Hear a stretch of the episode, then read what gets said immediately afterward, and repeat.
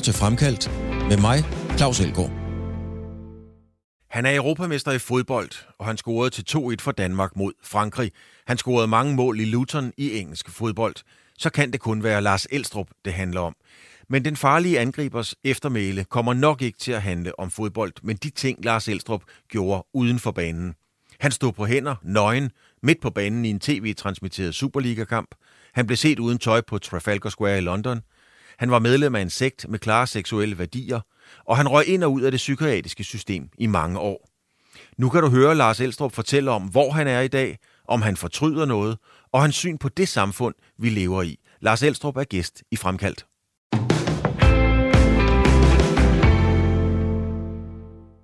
Lars Elstrup, øh, mit program øh, Fremkaldt, det plejer jeg egentlig at slutte af med at tage et billede af min gæst, og så beder jeg gæsten om at fortælle, hvor personen er i livet lige nu. Ja. I dag vil jeg gøre det helt anderledes. Jeg vil starte med at tage et billede af dig. Ja. Og det er sådan set kun dig og mig, der egentlig får billedet at se. Mm-hmm. Så, så, så billedet her, Lars, det handler ikke så meget om, øh, hvad, for noget, øh, hvad for noget tøj du har på og sådan noget. Det kan jeg fortælle. Du sidder i en øh, rød t-shirt, et par træningsbukser. Øh, dit hår er blevet noget kortere og lidt mere gråt. Men du ser faktisk øh, øh, veltrænet ud. Og, og, og inden vi startede, havde vi også talt om, at du cykler og du, du bevæger dig meget. Men kig på den mand, der sidder der. Vi sidder et sted i Odense. Øhm, hvad er det for en mand, der sidder der? Hvor er den mand i, øh, i livet lige nu? Og ligesom alle os andre, så skal du lige have dine briller på. der er vi nået til, du fylder snart 60. Hvad, hvor er den mand her i livet? Den mand er i livet der, hvor han gerne vil være. Han er oplyst. Han har Jesus bevidsthed.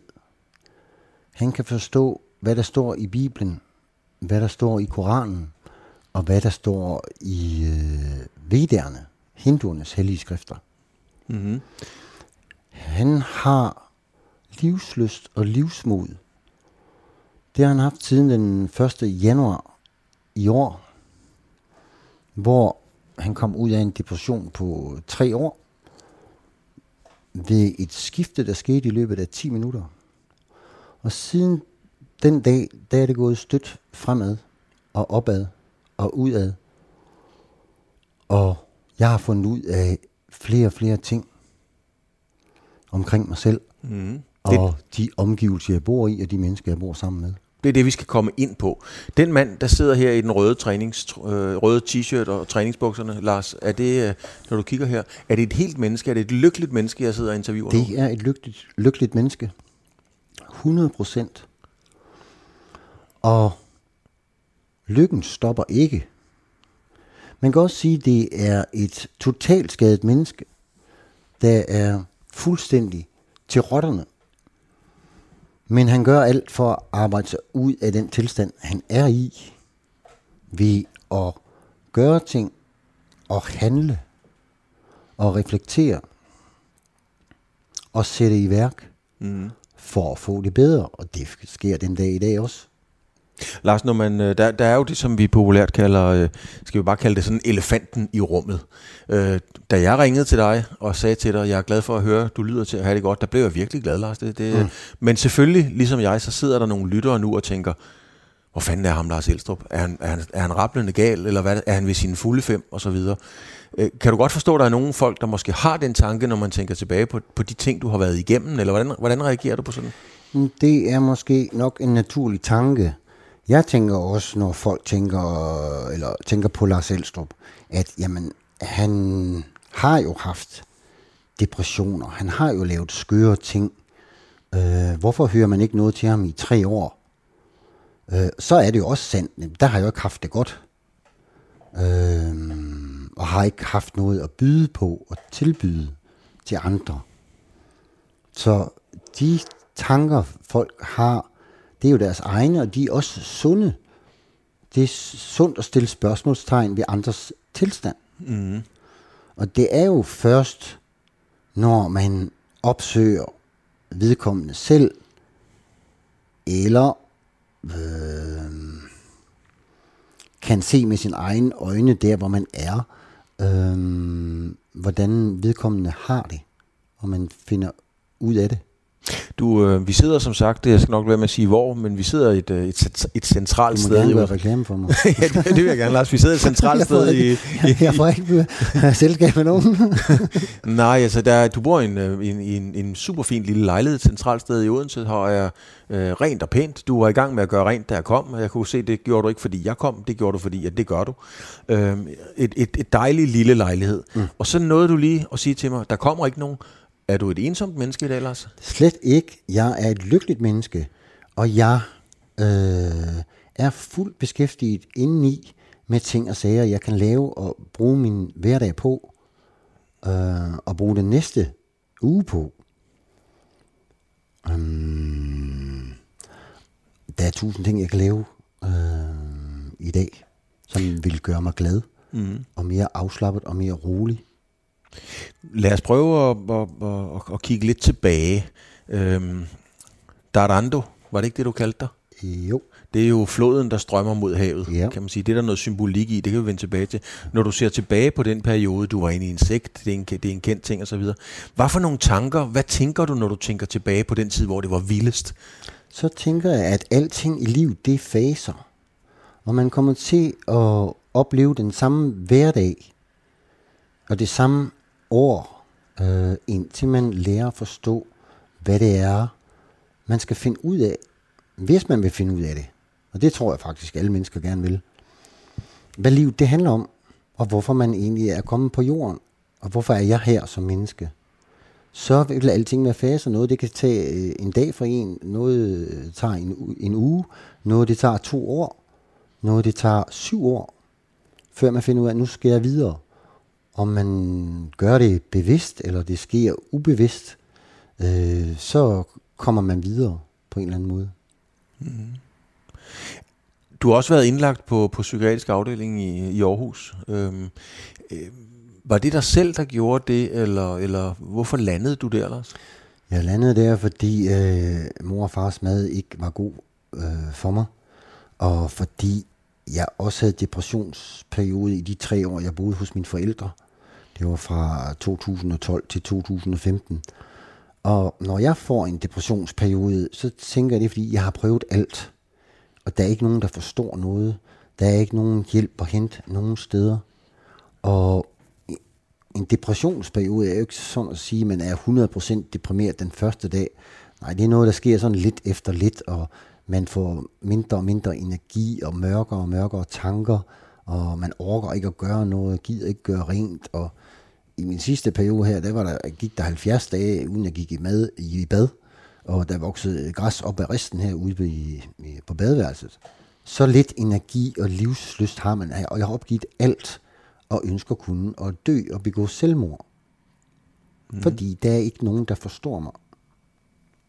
Men det, hvordan har du det så i dag med de tanker? Dem kan jeg se tilbage på og forstå, hvorfor jeg har haft dem, hvorfor jeg har haft det, som jeg havde. Og nu siger jeg jo, at alle de tanker, man har, er lyse og glade tanker, eller mørke og dystre, så kan man lære at forstå sine tanker, øhm, og finde sin egen styrke. Og alle de dystre tanker, man har, det er faktisk dem, der bliver til ens styrke og gør en stærk, når man tør kigge på dem mm. og lære dem at forstå. En, en, en, øhm, i, i, I hele det her flow af mærkelige ting, du har lavet, Lars, der, der er jo også i, jeg tror det er i 2016, Silkeborg spiller mod Randers på Randers Stadion. Du løber ind på banen i en Superliga-kamp mm. og stopper hænder, øh, splitter nøgen. Mm. Og, øh, og, og det er så, hvad det er. Øhm, og det er bare et, et eksempel også til lytterne på, at du har lavet de her ting. Men du har altid været bange. Du har altid har lidt af angst. Det har jeg altid Lars, gjort. hvad, hvad fanden er det, du har været bange for? Jamen, det har jeg altid gjort fra barns ben af. Og det kan jeg sagtens forstå nu, når jeg ser forældre øh, i Munke Mose eller i parker, øh, hvordan de takler deres børn, prøver at hjælpe dem og give dem noget. Og de fleste mennesker øh, og børn, de bliver begrænset af deres forældre. Og barnet er faktisk utilfreds over ikke at kunne få ordentlig vejledning og instruktion i de enkelte situationer, så man kan leve sig fuldt ud i de øjeblikke, man er i, på grund af travlhed, det er vestens største sygdom. Det er en fuld kalender, og man er fuldt booket op. Man har ikke tid rent fysisk til at stoppe op og give sig tid til sit barn og sit eget barn og liv, og til andre mennesker, fordi vi skal nå en hel masse. Men er du bange, Lars? Er, har du angst, som vi sidder her? Slet ikke. Den er fuldstændig væk. Jeg har ingen angst for noget som helst, heller ikke for at dø. Men hvor, hvordan finder du så kraften? Fordi du, du fortalte du før, at du har overvejet at dø. Øh, Hvor, hvor, tæt var du på den? Hvor tæt var du på at effektuere det? Det har jeg været tæt på, da jeg boede i Solens Hjerte i Holmstrup, hvor jeg var nede i en skurvogn og havde taget en hobbykniv med, og, og lå og legede med den øh, foran min øh, håndled, og gjorde det så ikke alligevel. Så tæt på har jeg været. Hvorfor gjorde du det ikke, Lars? Af en eller anden årsag. Tænk så nu, hvis det ikke lykkes, og der var en, der fandt mig, så skulle jeg til at gå rundt og vise snitsår til folk, og så vil det være et nederlag eller et eller andet. Så, så, så du, var, du, var, du var bange for, at det ikke lykkedes? Ja, i mange tilfælde. Altså, selvmord har jeg tænkt på øh, øh utallige gange, 100 gange, hundredvis af gange.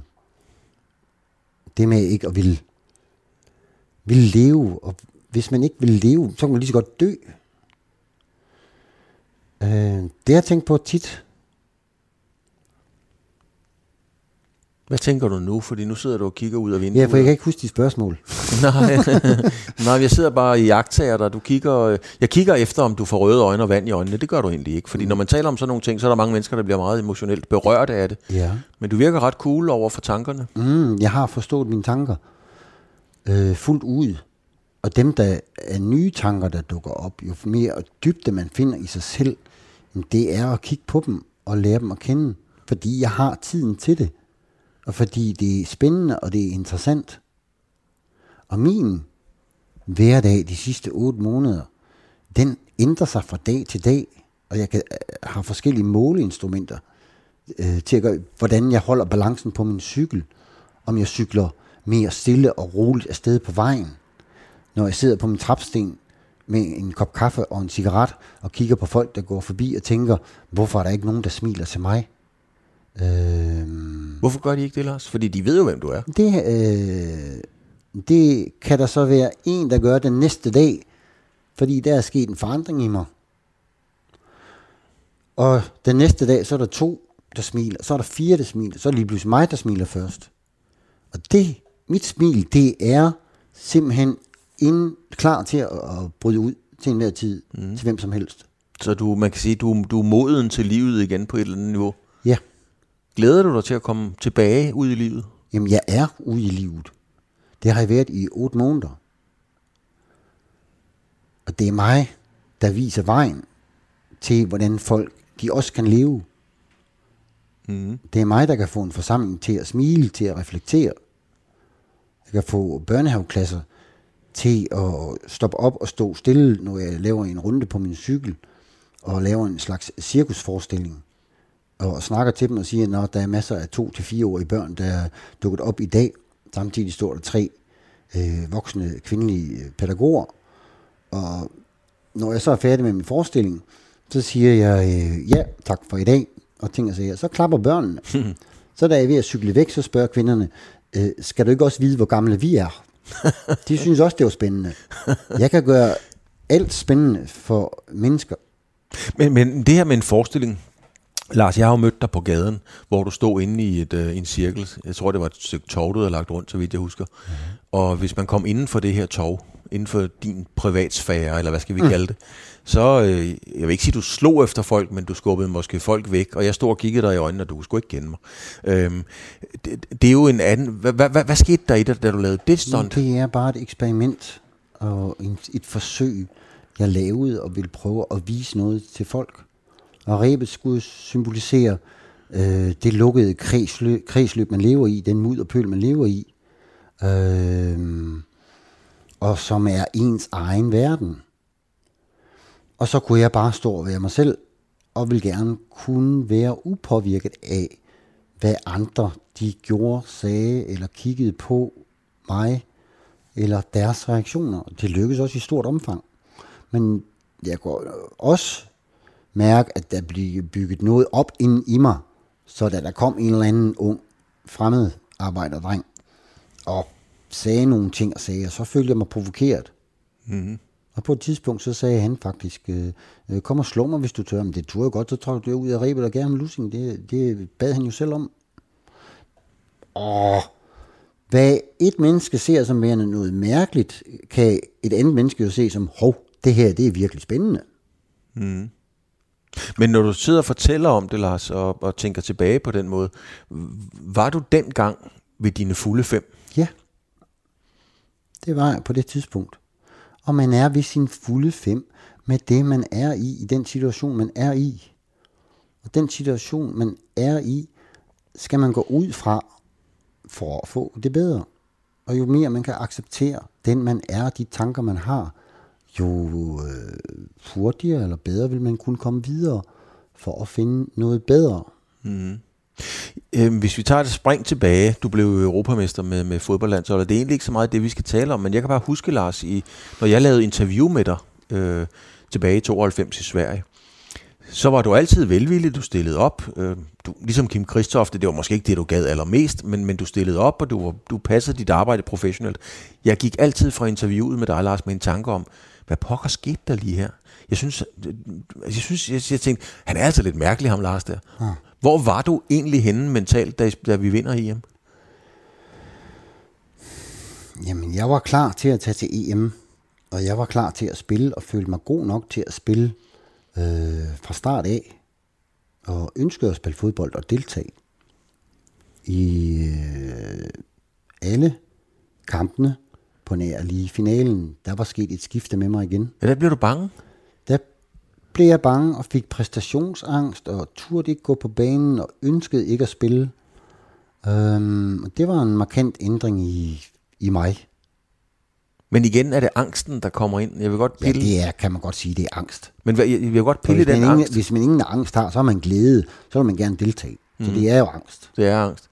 Men er det, har det været den angst, for den er jo gået igennem hele dit liv, Lars? Er, det, har du, er, er angsten et udtryk for, at du er bange for, som Lars Elstrup, ikke at slå til som individ, eller er du bange for, at jorden går under, eller hvad pokker er det, du er bange for? Men angst, det er noget, man har, når man ikke har tryghed og tillid til sin nærmeste og de mennesker, man er omkring. Og i det samfund, man bevæger sig i, så har mennesker angst. Når jeg går rundt i byen den dag i dag, øh, og tænker på hele Danmark, så tænker jeg, at 99,99 procent af den danske befolkning, de er fyldt med angst og travlhed og stressethed og øh, mistro, mistillid.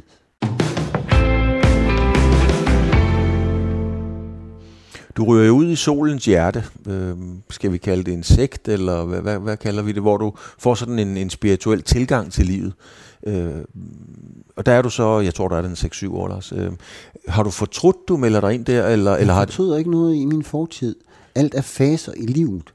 Og jeg har brugt syv år øh, af mit liv på at bo i et spirituelt kollektiv, Solens Hjerte. Dem kommer jeg stadigvæk den dag i dag og besøger øh, og spiser frokost. De laver Danmarks bedste frokost og det er de mest rolige mennesker at være sammen med. Hvis jeg går rundt ude i byen her, så folk de er fuldstændig snot forvirret, ikke til at snakke med. Man kan ikke tale i dybde med nogen som helst mennesker i hele Danmark. Så forstyrret er folk i Danmark. Når jeg kommer i solens hjerte, så er der ro. Øh, man kan snakke individuelt. Man kan snakke samlet med nogle mennesker. Og folk kan forstå, når der er en, der taler, så tiger de andre stille. Det er der ikke nogen mennesker i en børnehaveklasse, der forstår, eller på en arbejdsplads eller når man går rundt ind i byen, der er et decibelniveau uden lige på værtshus, på caféer, til fester, og folk, der skal drikke sig fulde, og tror, de skal spille smart, og jeg ved ikke hvad. Jamen, det er en snot forvirret verden at leve i. Der er meget støj. Det er støj og larm. Støj og, støj og larm. Fordi ja. man vil ses og høres, og et eller andet. Nu kan man deltage. Du finder jo så øh, roen derude. Du, du, du vindes i, i, i sekten for ligesom at at lære noget, du vil af med din angst. Kan vi godt sige det? Ja. Det er det, det, du vil Det er drivkraften. Ja. Og drivkraften for mig, da jeg var 30, det var, at jeg havde mistet mit smil, og jeg vil gerne finde mit smil igen. Mm. Billedet på, jeg vil gerne have det godt igen. Ja. Øhm, der, jeg kan huske, der var mange skriverier, og der, der, der var meget der var meget sex i den sektor også. Nej. Det, det, er det en myte? det er en myte. Og du siger også, det er et mærkeligt sted, jeg tager hen, og du siger også, at det var noget mærkeligt noget, jeg gjorde på Randers Stadion og stå på hovedet. Men det er dig, Claus Elgaard, som person, der har det syn, og det du ser med det, jeg gjorde. Mm. Og hvis der er 5.000 mennesker på Randers Stadion, jeg står på hovedet, så er der 5.000 forskellige syn, der ser noget. Det sjove af det hele er, at man jo helst ikke vil træde udenfor, hvad den offentlige mening den er. Tør man at træde udenfor og se med sine egne øjne. Det ved man godt selv, hvad, det er, hvad man ser. Så du var fuldstændig bevidst, da du, da du laver det stunt? Fuldstændig. Jeg er klar over, at det vil vise verden noget. Mm. Og det vil vise verden med det. Det var at, at være nøgen. Der er ikke noget farligt i at være nøgen, både med sin krop, men også være nøgen i sin adfærd og sin fremfærd, og være ærlig og oprigtig med alt det, man siger og man gør. Og det er det, der menes med at rense ud i sig selv. Mm. Så finder du øh, på et tidspunkt, Lars, øh, fortæller du mig, at, øh, at du finder ro, eller hvad det er, du finder, men du bor på et loft hos en ældre dame i Holte. Det er de steder, jeg gemmer mig væk, når jeg har det dårligt. Og hvad sker der har været fem episoder. Den første startede i øh, Solens Hjerte, hvor tre år lå øh, på et værelse der. Um, det var fra 1996 til 99. Så har det været i Holte, der flyttede til København i 2007, så det har været fra 9, øh, fra 7 til 2007 til 10. Så har jeg været tre år hos mine forældre på mit øh, gamle børneværelse fra 2012 til 2015. Så har jeg brugt tre år her øh, fra 2017 til 2020 på at ligge på min sofa her bagved mm. og kunne lave tre ting. Det var at se fjernsyn øh, og spille poker og en ting til, jeg ikke lige kan huske. men tre ting, men, men fordi der skal, man skal jo rejse sig en gang imellem fra sin seng eller sin sofa, for at få noget vand i munden, eller få noget mad ned i kroppen, eller sådan noget. Mm. Altså når du fortæller de ting der, øhm, når du fortæller de ting der, Lars, så, så er det jo klart, at så kommer jeg i tvivl om, hvor du reelt er i dit liv i forhold til, hvad du, øh, hvad du siger. Nu? Ja, altså jeg... jeg Men det er fortid, vi snakker om. Ja. Og den kan du ikke bruge til så meget nu? Den kan jeg bruge til uendelig meget. Og lære af sin historie. Mm. Min egen livshistorie. Og lære af historie generelt. Om hvad andre mennesker oplever i deres liv. Hvad deres fortællinger er for noget. Mm. Er der nogle ting, jeg, jeg har spurgt om der er noget, du fortryder, og det gør du ikke. Øh, er der så nogle af de ting, du har lavet, som du skammer dig over? Jeg har da lavet mange ting, jeg skammer mig over i min fortid, men, men er der noget, du skammer dig over? Nej, det er der ikke. Er det, hvorfor? Altså, øh, er det Hvad skulle jeg skamme mig over? Nej, det kan du selvfølgelig have ret i. Skulle jeg skamme mig over at stå på hovedet på øh, Randers Stadion? Er det det, du mener?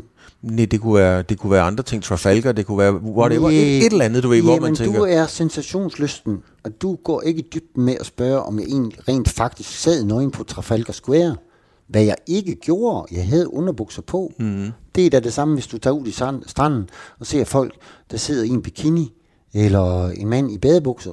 Det er jo det, det samme, jeg gjorde bare på Trafalgar Square.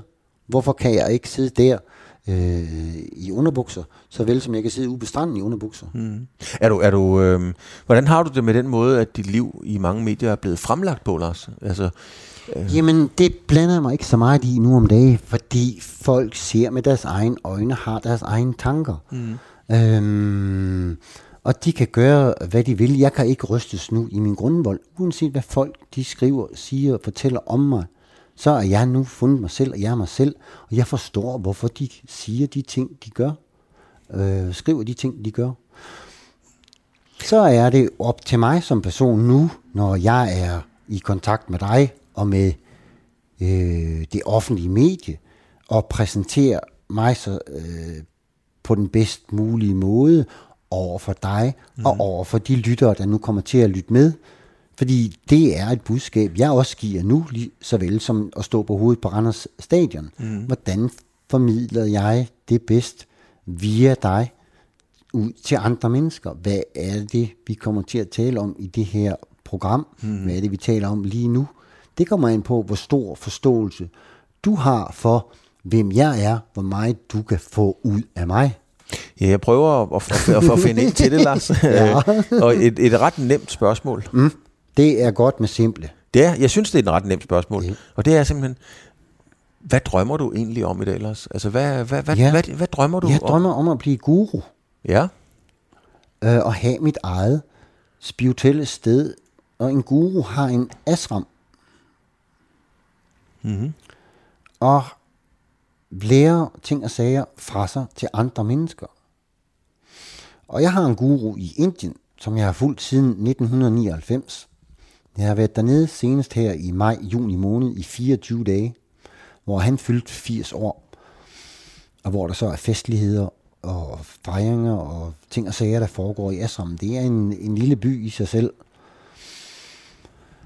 Og der har jeg så været nede fire andre gange. Første gang i 1999, og med så med seks års mellemrum. Og de har været af 14 dages varighed. Og en guru, guru det betyder mørke, og ro det betyder lys. Øhm, darkness and light. Så min guru i Indien siger, at uden en gurus hjælp vil du ikke komme ud af din mudderpøl i det her liv. Der vil ikke ske ændringer og forandring i dig, hvis du ikke får en guru til at hjælpe dig. Fordi en guru er på et højere plan og kan se igennem mennesker og se, hvad folk har brug for. Det kan umiddelbart ikke forstås med den logiske sans og den tankegang, vi har, hvis en guru giver et budskab eller viser en noget. Det vil det mennesket ikke kunne forstå. Men Lars, hvis du så bliver guru, ja. og folk kommer ned til dig, øhm, og det er selvfølgelig en proces at være hos en guru og så videre, det er jeg godt klar over, men hvad, hvad er essensen, hvad er det vigtigste, som folk skal lære, hvis de tager til Lars Elstrup i Afrika, i Indien, hvor, hvor, hvor din ashram end måtte lande. Det kan også lande i Odense jo. Det er, at når du står op næste dag, så har du lyst til at leve livet. Du har lyst til at arbejde, du har lyst til at deltage, du har lyst til at øh, være en del af livet og samfundet. Mm. Og få livsmod og lyst til at leve og lære sig selv at kende. Altså livsglæde? Ja. Men det er jo sørme et stort spring fra, da du sidder og leger med hobbykniven, til at skal lære folk om at have livsglæde. Ja, fordi de erfaringer, jeg har fået i mit liv, det er ting, jeg at jeg har skulle lære noget af. Mm. Og nok så voldsomt de kan være, øh, jo mere brug og nytte har jeg af dem, når jeg har fået det vendt til min fordel og forstået, hvorfor jeg skal have de oplevelser. Mm. Lars, der har været meget snak på det seneste, og du har selv været, øh, det har, har vi snakket om, at du har været indlagt på, på psykiatrisk afdeling osv. Hvordan ser du, øh, hvordan ser du egentlig psykiatrien i dag i forhold til, hvordan man de hjælper folk? Det er en del af de 99,99 procent, der ikke forstår noget. Øh, de har ikke kunnet hjælpe mig. De gør deres bedste. Alle mennesker gør deres bedste for at hjælpe andre mennesker. Øh, og jeg har også haft gavn af psykiatrien. Men de har ikke kunne give mig det, det fulde, øh, der gør, at jeg får fat i roden af mig selv. Hvad vil det sige at få fat i roden af dig selv? Det skal jeg lige forstå. Mm, det er at finde den indre ro, mm. den indre styrke, og være livets træ, der har en fast rod med øh, grene, der vokser ud af, og, og, blad, og får blade på, øh, på grenene. Mm. Føler du dig svigtet af psykiatrien? Nej, der er ikke nogen, der svigter. Alle mennesker gør deres bedste. Og føles, hvis jeg føler mig svigtet af andre, så overlader jeg min kraft til andre. Mm. Jeg er så stærk, at øh, jeg selv tager affære nu, og kan forstå øh, andre mennesker. Mm. Og man kan godt føle sig svigtet. Øh, men folk gør faktisk deres bedste. Hvad, hvad, hvad var det, Lars, øh, der gjorde, altså da du sidder med den der, det er jo et frygteligt billede at se for sig, at du sidder med en hobbykniv ude i et skur og, og er tæt på at gøre noget. Du smiler nu, det kan lytterne ikke se, men du, du griner faktisk nu, Lars. Yeah. Øh, og så til, altså hvad var det inde i dig, der sagde, nej, øh, du har fortalt om angsten for, at det ikke lykkes alt det her, men der må også have været noget andet, der har sagt, nej, det får en, jeg har brændt et strafspark, men jeg skyder den næste. Altså hvad var det, der fik dig til at tage kampen? Tage kampen op. Ja, for at bevare livet og glæden. Ja, så kan vi snakke øh, længere fremad. Det er 1. januar. Det er faktisk ikke noget, jeg selv har ønsket. Det er ikke mig selv, der fra den 31. december 2021 til 1. januar 2022 i de 10 minutter om morgenen har bevidst valgt, nu vil jeg ind i livet igen. Det ser jeg som mere en gave til mig. Fra noget, jeg ikke forstår, eller noget, som er større end mig selv. Det kan jo betegnes som en af Gud. Eller det er en gave, jeg har fået, for at holde det simplere. Så den vil jeg prøve, og det er jo så femte gang, jeg får den gave. Så nu skal jeg have mere hold i det den her gang. Så det er ligesom at få en julegave. Altså, du fik en, hvad kalder vi det, en åbenbaring, han har sagt? Det kan man eller? måske kalde det, ja. ja. Det kan godt være, det er ordet for det. Ja. Og det gav dig livsglæden? Mm, det gjorde, at fra klokken 7 eller klokken 5 om morgenen, hvor jeg sidder og spiller poker, jeg kan gøre, har gjort det måske 8 timer om dagen eller sådan noget, så bliver det at spille online poker uinteressant, fordi nu øh, fandt jeg noget andet øh, på computeren, som jeg fattede interesse for, og det ville jeg godt lige finde ud af. Og det var faktisk ejerskabet, og om jeg havde skøde på min ejendom. Fordi hvis jeg nu ikke havde skøde, så ville øh, folk kunne, kunne komme og tage mit øh, bosted fra mig. Hvor skulle jeg så sove henne? Det ville jeg slet ikke kunne rumme. Så den lille bitte ting med at begynde at interessere sig for, øh, hvad er det, øh, jeg bor i, har jeg mit skyde, gjorde, at øh, efter to dage, så spillede jeg ikke poker mere, så havde jeg mere lyst til at finde ud af at få orden i mine papirer. For mm. det var et kæmpe råd. Alting råder, når man starter forfra. Og det er simpelthen bare at begynde på én ting ad gangen, og det var med mit skøde og læse det igennem.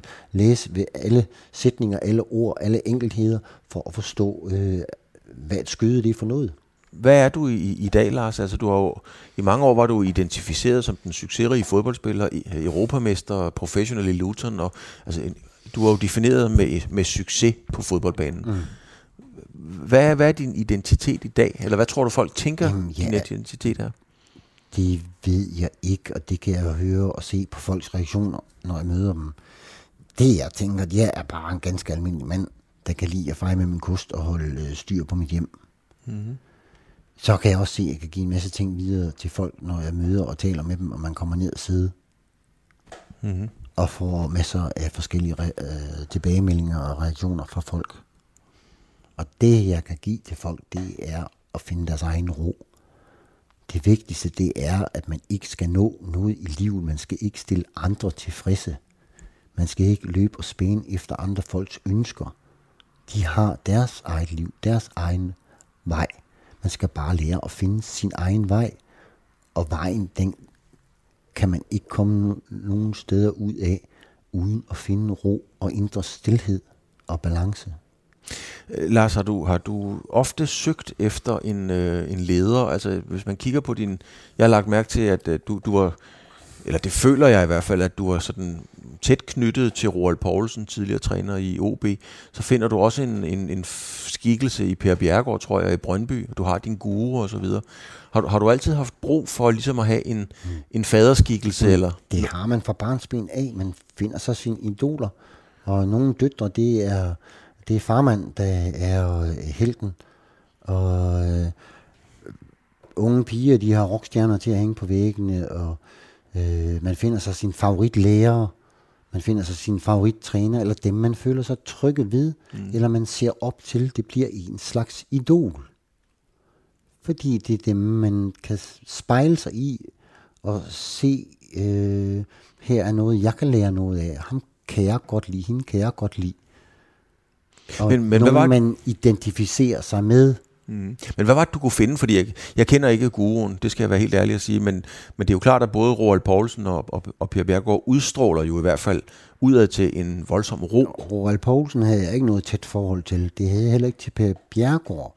Men deres personligheder gjorde, at jeg kunne øh, folde mig mere frit ud, fordi de var ikke over mig og skældte mig ikke ud, hvis jeg lavede nogle forskellige ting. De gav mig en form for frihed. Mm-hmm.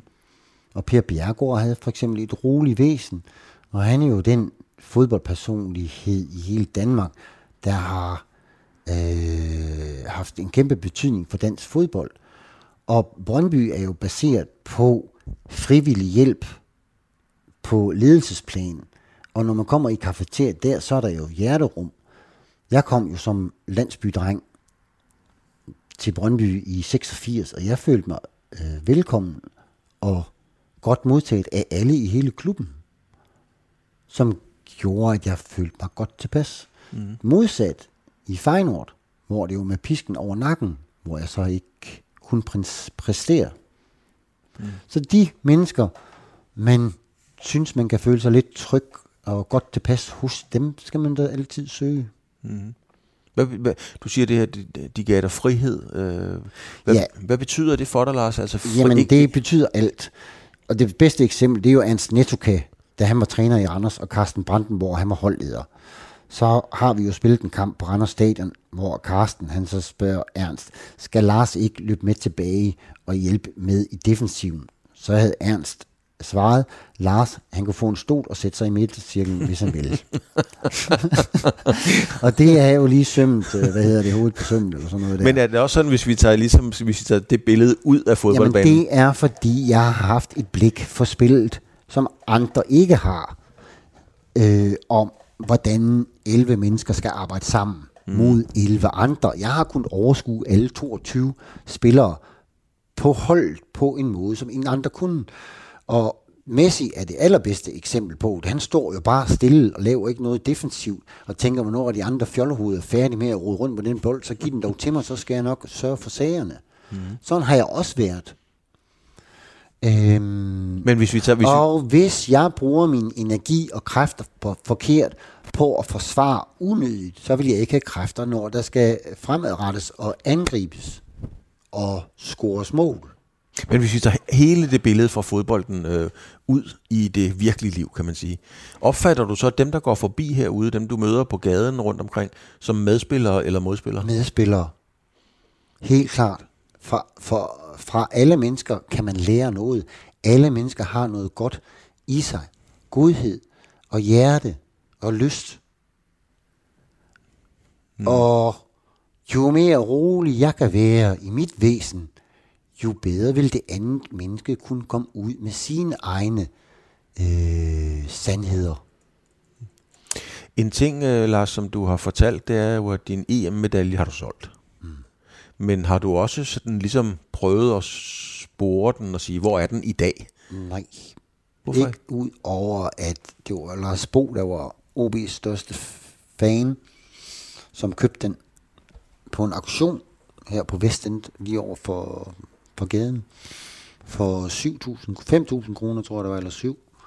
Og et år senere, så solgte han den videre på en internetauktion, hvor den blev solgt for 70.000 kroner til en togkonduktør fra Sjælland. Det er det seneste, jeg har hørt. Mm. Har du fortrudt, du solgte den? Jeg har ikke fortrudt noget, fordi når man laver en aktion, man handler, man reagerer, man gør, så er det det, der tæller i det nu. Og det var at give overskuddet fra den aktion med solg af mine effekter og trøjer og billeder og ting og sager, det var at give den til kræftramte børn på Odense sygehus. Mm. Det er nu, det sker. Hvis man hele tiden skal rundt og fortryde, hvorfor gjorde jeg sådan, og hvorfor trådte jeg mig selv over tæerne, og hvorfor... Øh, det er dødens pølse at gå ind i det. Det er at gøre og handle og, og lære af sine erfaringer. Mm. Det er fortid, øh, og den hænger du der ikke så meget i, at du ikke hverken... Øh bange for den, skammer dig over den eller noget, det har vi talt om. Så er der, mm. så er der jo heldigvis heldigvis en masse fremtid. Oh, ja. nu kommer vi til det spændende. og det er, jo, det er jo en fremtid, som du næsten selv har sat en stopper for med en hobbykniv, ikke? Jo, jo. Men hvad, hvad ligger der sådan i den nærmeste fremtid for dig? Ja, det er fremtiden nu har vi haft fortiden, så kommer fremtiden, så er der nutiden, det er lige nu her, Claus, dig og mig, der sidder sammen, ja, det sidder og hygger, vi har fået noget kaffe ude på terrassen. Ja, det er vildt hyggeligt. Ja, og det er nu, det foregår. Når man lever i nuet, så kan man sidde og snakke sammen i lang tid, og kigge på klokken, så er der måske gået en halv time. Hvis man er optaget af ting og trælse sager og ting og sager, så kan man sidde og snakke i to timer, som ikke kommer nogen steder hen så kan man, ja, et eller andet med tiden. tiden forsvinder, når man lever i nuet. Mm. Så er det kun nu, der tæller. Så kan man have sine fremtidsplaner. Dem har jeg store planer af. man skal ikke sætte sit lys under en skæve. Nej, for du har jo stadigvæk det der vinderinstinkt, der ligger i dig. Det skal man have med sig. Det skal man. Man skal vinde i sit eget liv. Man skal blive sejrsherre i sit eget liv. Det er du nødt til at uddybe, Lars. over sit eget dystre. Det, det er et virkelig et spændende udtryk. Hvad betyder det at, at, at blive sejrherre over sit egen Det dystre? gør, at når jeg i dag er det tirsdag, når jeg i morgen sidder på min trappesten med min kop kaffe og en cigaret og kigger ud på gaden klokken 5 på samme tidspunkt, som jeg gjorde her til morgen, så har jeg fundet mere ro. Ja, mit syn har ændret sig. Jeg kan mærke forandringen i mig, når jeg kigger ud og får en størrelse, øh, større forståelse for, hvad det er, der sker omkring mig, hvad der sker i mig, hvordan verden, samfundet hænger sammen, hvordan hele verden hænger sammen, få større forståelse for, hvordan verdensøkonomien hænger sammen, øh, for at få større forståelse for, øh, hvordan andre mennesker, de tænker og handler og agerer. Den, det er det vigtigste for mig nu om det, det er den den modelstok. Mm. I både da du var øh, ude i sekten øh, og, og andre steder, har du jo ikke lagt skjul på, at der har været meget kærlighed i dit Nu liv. skulle vi snakke fremtid. Var Jamen, det skal vi også, det gør nu vi også snakker nu. du sektor og fortid. Ja, men det er ligesom for ligesom at slå præmissen fast, at, ja. Ja. at, at der har været meget kærlighed, der har været meget erotik. Kærlighed, det er at give Ja. og dele af alt det, man har til andre, uden at forvente noget øh, retur. Ja, og der er også- give frit. Og der har også været meget ero, det er et pænt ord for det, der har været meget erotik i dit liv. Ja, og det er fordi sex, det er så vigtigt et område for os alle mennesker. Det interessen opstår, når man er 12, 13, 14, 15, 16, 17, 18, hvornår det end er. Det er det allervigtigste område for unge mennesker, eller hvornår man fatter interesse for det. Det er det modsatte køn og det nøgne. Man har sin tissemand, hun har sin tissekone, og hvad sker der, hvis man putter tissemanden ind i tissekonen? Det er så spændende et eller andet. At få styr på sin egen seksualitet, øh, det er ved at praktisere. Mm. Og hvis man ikke får styr på den og lærer af sine erfaringer, så går man rundt med tungen hængende ud af halsen og ser et par store kvindebryster, og så løber man efter hende. Det er kvinderne træt af, fordi vi har noget indhold i en mand. Men det kan man faktisk gøre, som mand gør hele livet, løbe med tungen ud af halsen. Mm. Og det gider kvinder ikke, og manden forstår ikke hvorfor, og så bliver de dumme og ting og sager, og kvinden synes, manden er dum. Men når vi så vi skal blive ved fremtiden, fordi det var bare lige for at, at, at, at kaste ankeret ud i forhold til, hvad situationen var. Er du klar nu, Lars, til at finde en, øh, en kæreste? Om det er en mand eller en kvinde, det er for så vidt ligegyldigt for historien, men er du, er du der nu, hvor du er moden til at, at gå i et forhold? Hvis det skulle være et forhold, så skulle det være et ugeforhold. Så kunne hun komme på prøve. eller så skulle det være et dagsforhold, og så kan hun låse døren, når hun går ud af døren bagefter. Så hun starter ude, kan man sige. Det er at tage det stille og roligt. Der er ikke noget lykke i at blive gift, eller at få noget øh, forhold øh, til en anden person. Det er ikke der, lykken er. Lykken er inde i en selv. Det er så enormt spændende øh, at bruge flere mennesker sammen. 1, 2, 5, 7, 47 mennesker bor de sammen i solens hjerte nu. Der er så mange muligheder og fordele og folk i nærheden, og man kan blive mere effektiv i sin hverdag. Mm-hmm. Og det samme i et tomandsforhold. Hvis man kan få tingene til at fungere, så er der ikke noget så smukt som to mennesker, der bor sammen hele livet og blomstrer for hver dag, og man nyder, øh, hvis den ene vasker op, og den anden ordner ting og sager, øh, kontorting, eller begge to vasker op, og man hjælper hinanden med kontortingene, så man får klaret tingene, så man har dagen foran sig. Mm. Så er et tomandsforhold øh, smukt. Men hvordan, øh, Lars, det, det, er sådan, det er jo lige meget, om man, er, om man går i gymnasiet, eller om man er 34 og sidder derhjemme og er mand eller kvinde. Du, har- du har selv fortalt, at det ikke altid, der er nogen, der smiler til dig. Og hvis man skal have et forhold til en anden, til en partner, så skal det jo ofte starte med noget, der ligner et smil. Hvor finder du dine kærester? Jamen, jeg har jo heller ikke smilt til mennesker. Så jeg forstår godt mennesker, som kan være tynget, eller i problemer eller noget. Øh, Du, du, du, så i mit smil er altid og klar til at hjælpe andre mennesker. Så spørger du om, hvor finder jeg mine kærester? Jamen, de skulle komme, de har rent mig over inden. Jeg har ikke kunnet sige nej. nu er det den omvendte verden, nu kommer de ikke og render mig over inden. Og nu vil jeg gerne have en kæreste. Nej, jeg vil gerne prøve at have noget sex igen, og jeg vil også gerne prøve at finde ud af, om jeg, jeg mener, jeg skal have et forhold til en kvinde igen. Mm. Hvordan, og, hvordan, ja. hvordan er det, Lars? Altså, øh, og det er bare et billede på det, fordi det, det er jo ikke kun, fordi det skal handle om sex, men du har været vant til, at det bankede på døren, når der var nogen, der gerne ville dig, også ja. erotisk. Lige pludselig holder det op, ligesom telefonen holder op med at ringe og fra det medier. Hvordan er, er det? Det er jo selv skyld i, i og med, at jeg begraver mig selv i min depression, og ikke ønsker at være sammen med nogle mennesker. Så det er heller ikke nogen, der gider at være sammen med mig, fordi jeg er kedelig, tung og træt. Mm. Det er helt naturligt. Og tingene sker i den rækkefølge, de nu kommer til at ske, som man gør sig klar til, og man forbereder sig til. Også for mit vedkommende. Og jeg har været oppe på vej 115 kilo 1. januar. Overvægtig, tung og træt. Og brokket mig over mennesker og sagt ting og sager. Men det kan da godt være, at jeg har gjort det i går også. Og det er også derfor, der ikke kommer nogen. Måske. Så må jeg forbedre mig, gøre mig bedre, tage noget pænere tøj på, tale pænere til folk, tale mere ægte og oprigtigt til folk, tage den mere med ro, så skal man nok få det ind i livet, man gerne vil have, når man gør de rigtige ting.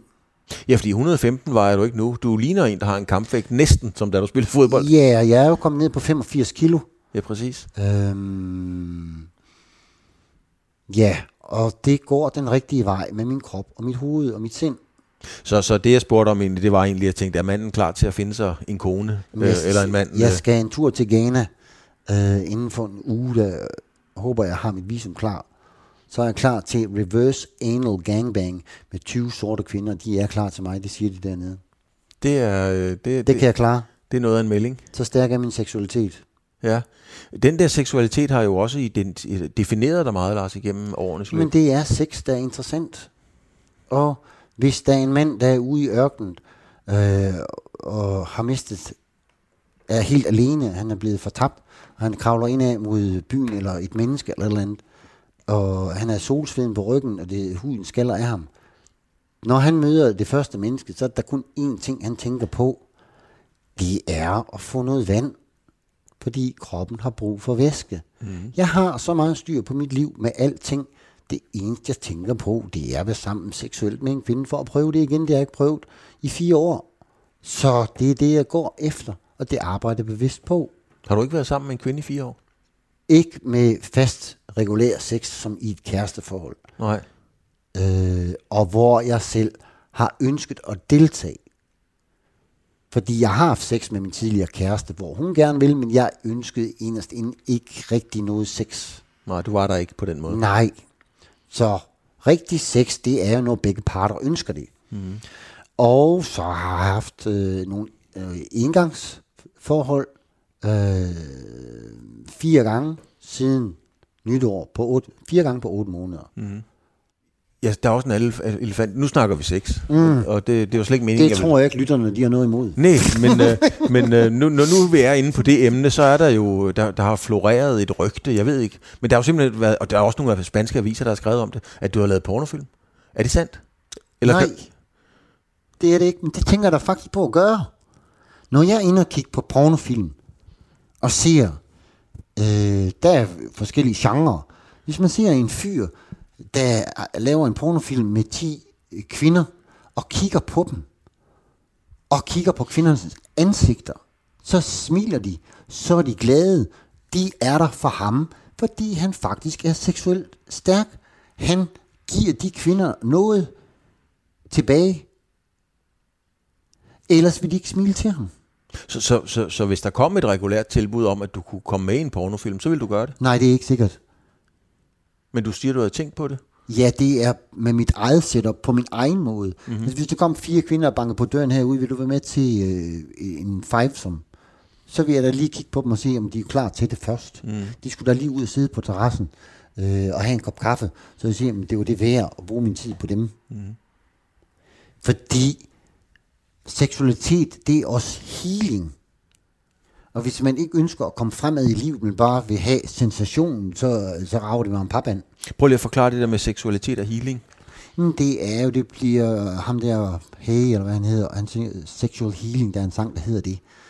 Det er alt af healing. Hvis man gør tingene på den rigtige måde, så healer man sig selv, sin egen krop, sit eget sind og sin egen sjæl. Mm. Øhm, også inden for det seksuelle område. Og i og med, at vi altid har travlt og er stresset i vores hverdag, de fleste mennesker, så bliver seksualiteten, eller det tidspunkt, man er i soveværelset også på, øh, så bliver det også stresset. Det skal foregå for hurtigt. Den ene har ikke lyst, så er man lidt træt, og man har ikke tid til hinanden.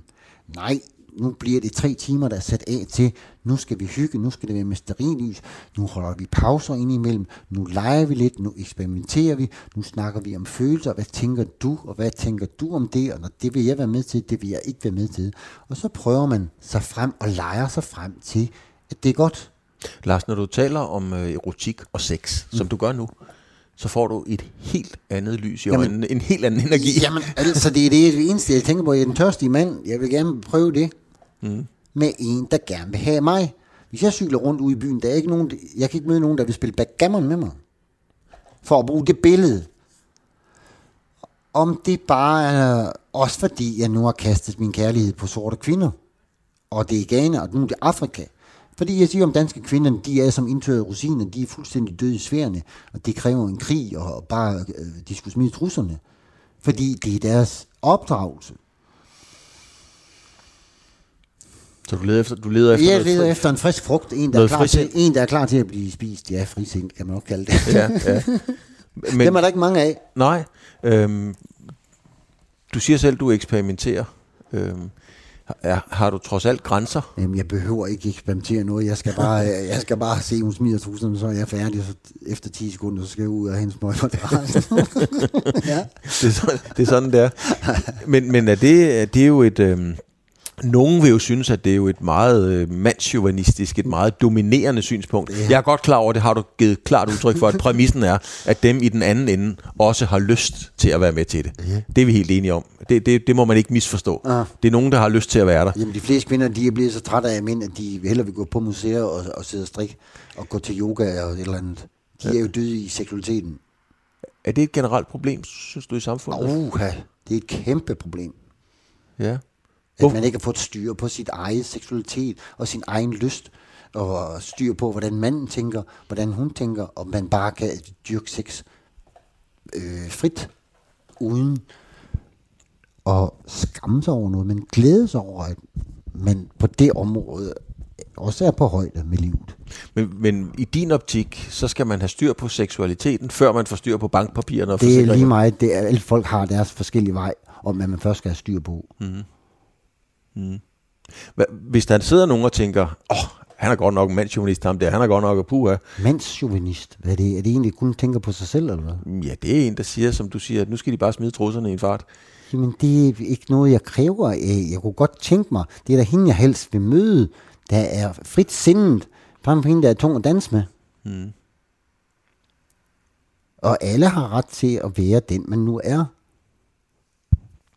Så du, når du skal ud på en, på en, på en rejse her, øh, Lars, skal du så ud på en, en, øh, en, en, øh, en dannelsesrejse i forhold Jeg til skal ned det? og finde noget fisse. Det er, jo, det er jo meget poetisk udtryk. Jamen, det er bare de ud af landvejen, det er så nemt. Ja. Altså, hvis vi ikke har fået noget fisse, hvis man ikke har fået noget at drikke i fire år, så er man tørstig. Hvis man ikke har fået noget fisse i fire år, så vil man gerne have noget fisse. Ja, Med en, der gerne vil have noget tissemand. ja. Det er simpelt. Det behøver ikke være raketvidenskab. Nej.